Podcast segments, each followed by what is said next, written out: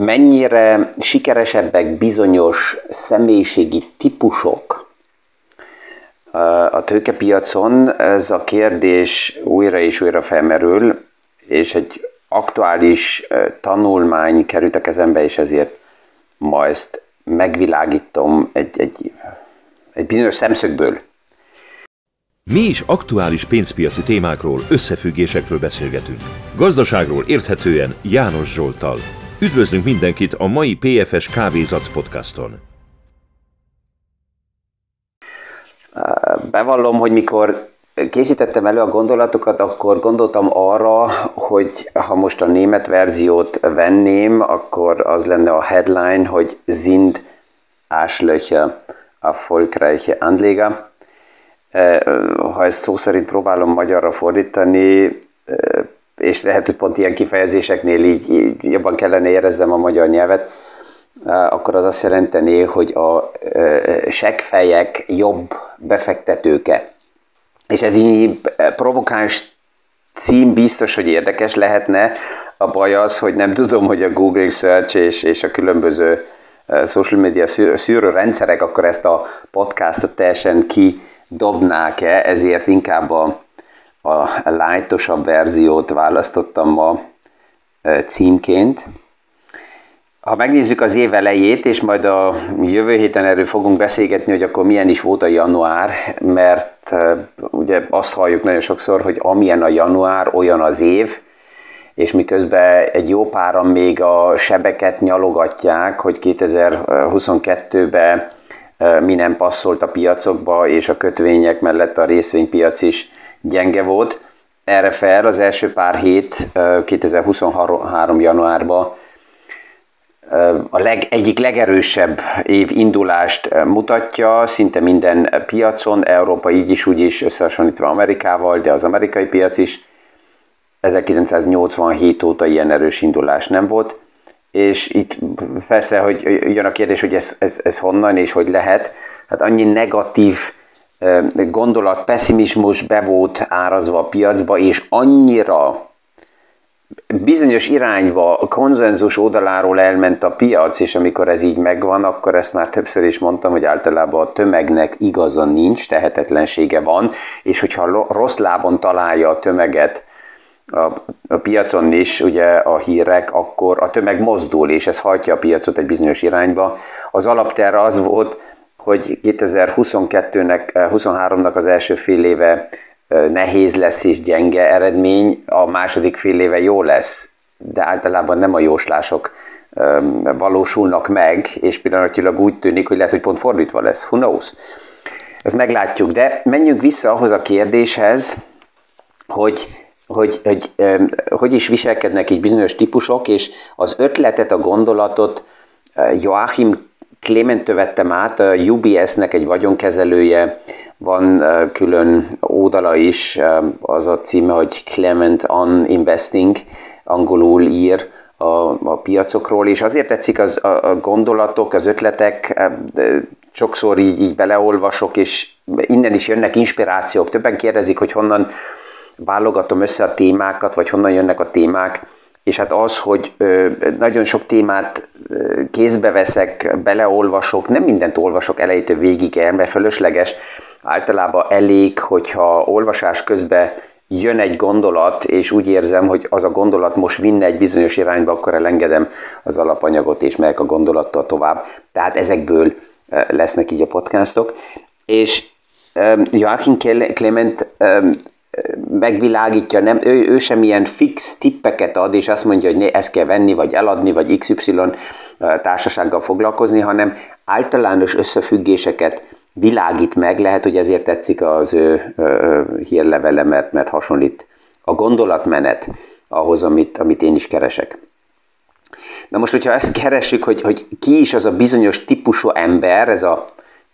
segfej, de inkább váltanék más attitűdökre. Itt jön ugye az, az, az egoista, jön a narcista, jön a, a, tehát az önimádó, az arrogáns, olyan, aki, aki nem figyel másokra, csak mindig az ő előnye és az ő gondolata a fontos. Másoktól azt várja el, hogy mindig, mindig ők változzanak és alkalmazkodjanak hozzá. Tehát ez, ez így egy ilyen típus, a, akit esetleg itt azt mondanánk, hogy ez az a tipikus seg. um, és, és a kérdés mindig az, hogy ezek, ezek sikeresebbek?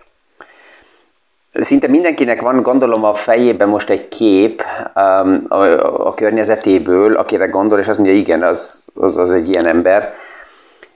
Az érdekes az, hogy a múltból a tőkepiacsal és a tőzsdével kapcsolatosan is kialakult egy bizonyos kép, az egyik oldalról azért, mert nagyon sok hosszú ideig a tőkepiac az egy ilyen elit kis körnek volt a, a játéktere, részbe szabályok nélkül sok mindent megtettek, ami ma abszolút azt lehet mondani, hogy, hogy illegális, és, és változik az a kép. Az, hogy ma kifektet be, ki van a tőzsdén, az is megváltozott, mert az már egy, egy, egy tömeg jelenség, tehát bárki, mint privát ember megvan a lehetősége, oda tud menni, Régebb ez tisztán ki lehet mondani, nem ment, tehát nem lehetett olyan egyszerűen kereskedni, nem lehetett broker lenni, kellett, kellett egy társaság, agin keresztül esetleg odaértem volna, és ezért ez teljesen megváltozott, ha ma a szakmai világban valakit megkérdeznénk, hogy egy egoista, arrogáns, segfej kell -e valaki legyen, hogy sikeres legyen a tőzsdén, akkor biztos, hogy a szakvilág azt mondaná, hogy nem, mert nem ez a döntő. Sőt, az a kockázat hozzáállás és a kockázatokhoz, és a saját egóhoz a hozzáállás, amit ezek a bizonyos típusúak hoznának, az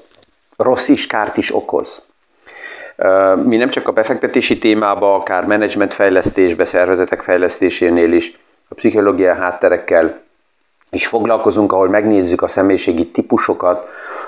az alapmotivációkat, ami mögötte van, hogy azokat a kérdéseket is feltegyük, hogy bizonyos típusú emberek bizonyos feladatkörökbe valójában jót tesznek-e egy szervezetnek, egy vállalatnak, és ez akár időközben, menet közben változik is,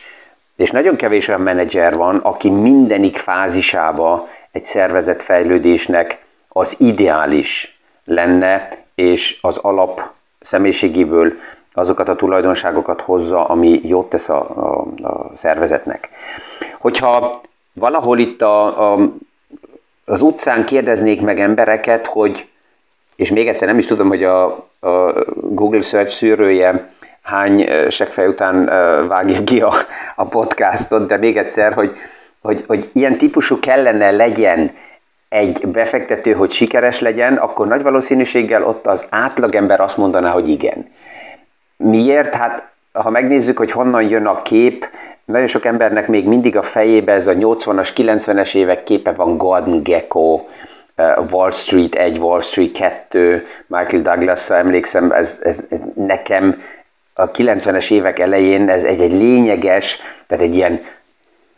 Biblia melletti top film volt, ami, ami nagyon befolyásolta azt, hogy milyen képpel indultam egyáltalán el a tőkepiacba, és emlékszem, hogy az első meetingre még uh, Mingard Gecko a sejem uh, hozentrággal, trégerrel, és, és a, a réz lap a, a, a cipőnek a sarkára rátéve, tak, tak, tak, így végig kapogtattam, mint Csango. Tehát egy egészen más világ volt, ez, ez így, de az emberek fejében ez megmaradt. A fiatal, az a kép, hogy ezek fiatalok, padlógázzal dolgoznak, tesztoszteron irányított tömeg, a, a napi high-end fire munka után este partik, alkohol, főleg férfiakból álló férfiak által dominált világ. Tehát ez az a kép, ami még sok fejben megvan, de az teljesen eltolódik, hogy akkor is már voltak ilyen én úgy nevezem, hogy matematikai nördök, mint, mint példaként egy Michael Burry, aki egy egészen más típusú ember, és ugye a Big Short film ez nagyon jól összefoglalja és bemutatja, hogy milyen típusúak hogy találkoztak, és ki mit látott, és ki mire fogadott. Ezt újra és újra tudom javasolni, hogy ezt így érdemes megnézni, így két-három évente még mindig nagyon jó, és mutatja, hogy mi történik a piacokban. Tehát, hogy próbáljunk a tények irányába menni. Egy olyan tanulmány került a kezembe a, a Hamburgi Egyetemről, ahol Tim Jége és Tina Steinát megvilágították azt a kérdést, hogy a, a, a, milyen, kik a CEO-k, um, tehát a Chief Executive Officer a nagy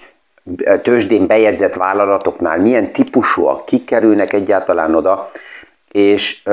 az érdekes az, itt Európában ugye a CEO megnevezésnek nagy jelentősége nincs, és ezzel mindig mosolygok, mikor uh, például egy, egy, egy KFT-nek a vezetője CEO-nak nevezi magát. A CEO az általában tőzsdén bejegyzett társaság, tehát részvénytársaság, és a, a lényeg ebbe az, hogy bi, valójában bizonyos típusú emberek kerültek oda, és a nagy amerikai, a nagy európai tőzsdén bejegyzett vállalatoknak már azért egy ilyen kisebb elit körből jönnek a CEO-i, mert azok általában bizonyos iskolák, bizonyos struktúrákból növekednek ki ezzel bizonyos gondolkozási modellekkel, és ebből a tanulmányból egy dolog kijön, a legtöbb CEO, tehát az alkalmazott menedzsere ezeknek a nagy vállalatoknak, mint alkalmazott nem a saját vállalatával, nem a saját pénzével megy nagyon erős kockázatokba bele. Ebből a tanulmányból kijön az is, hogy a nagy, nagy része így a CEO-knak, nem száz százalék, de a többsége, ez ugye nem az én véleményem, én idézem ezt a tanulmányt, ilyen narcista típus,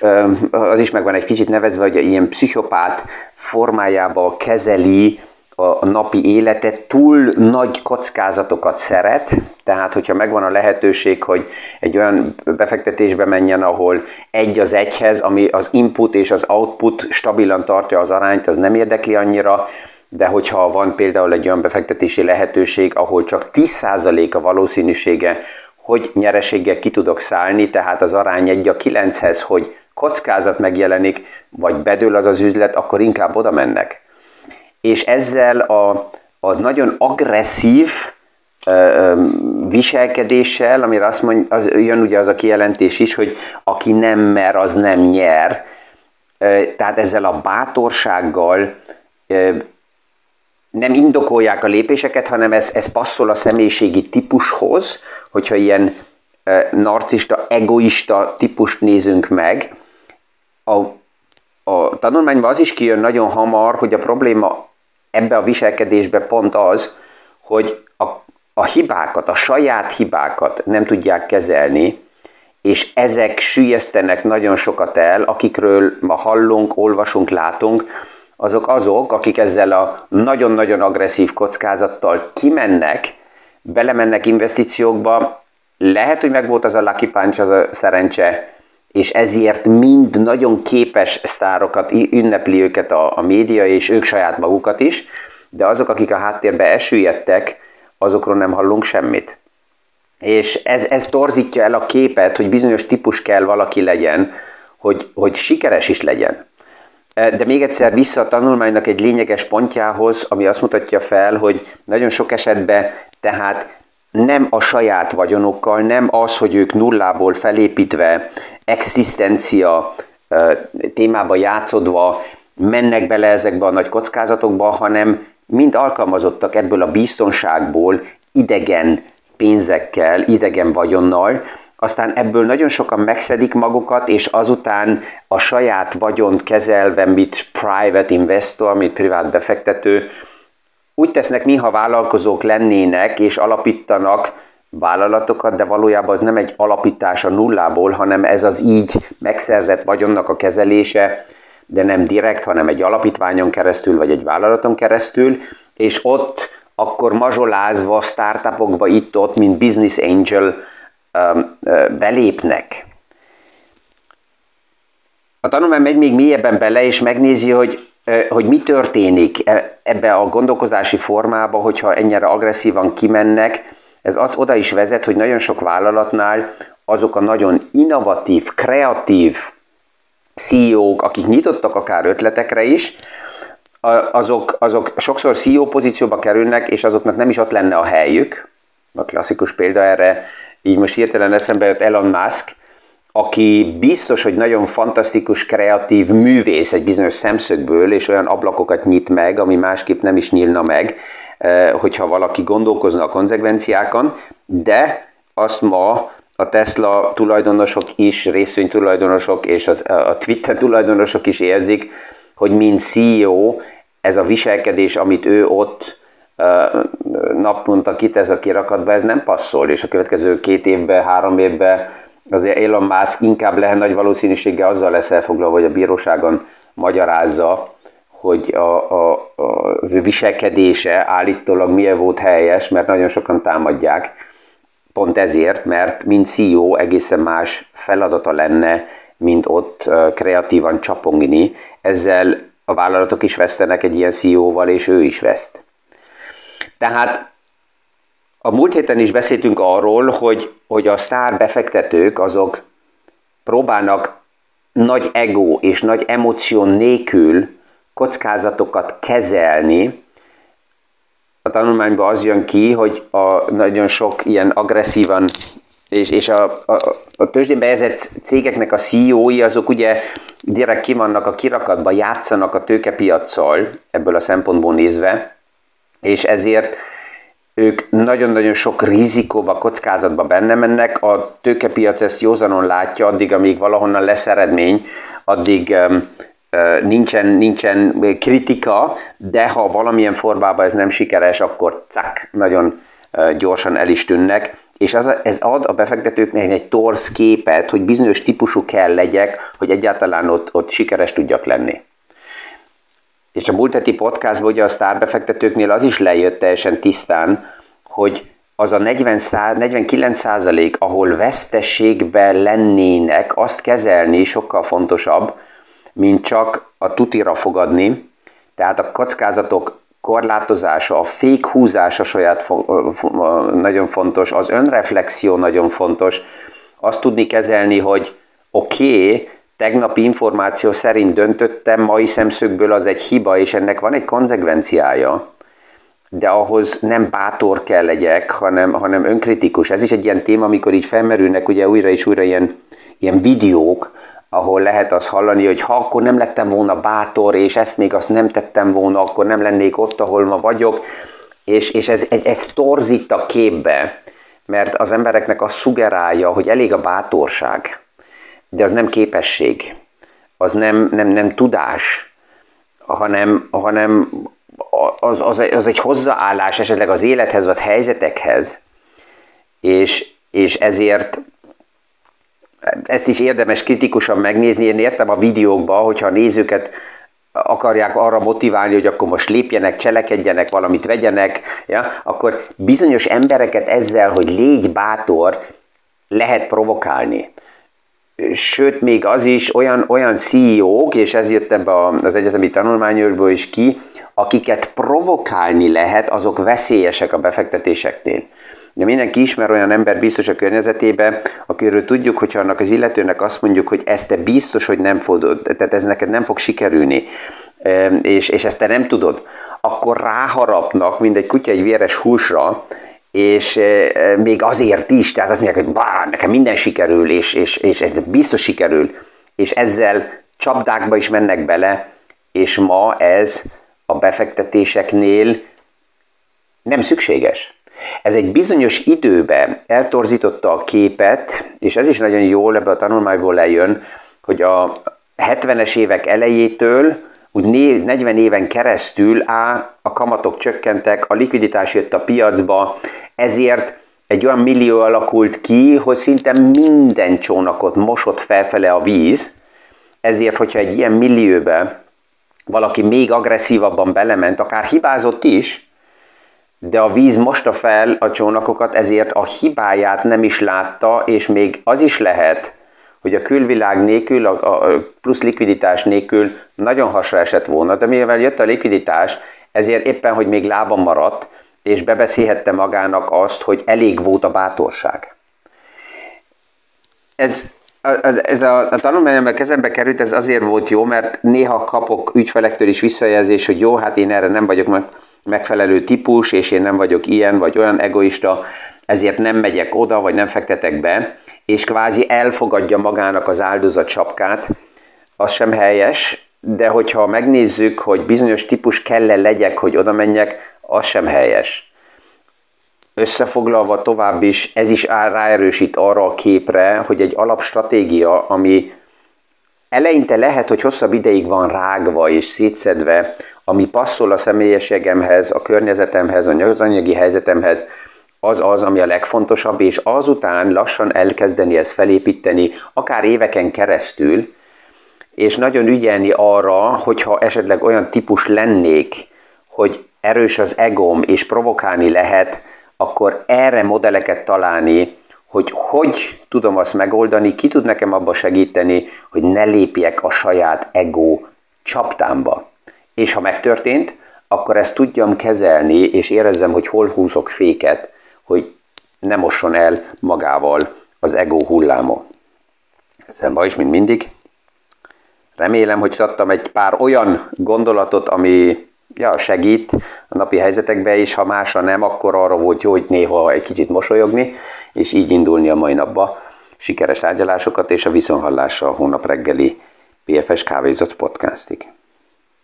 thank you Thank you.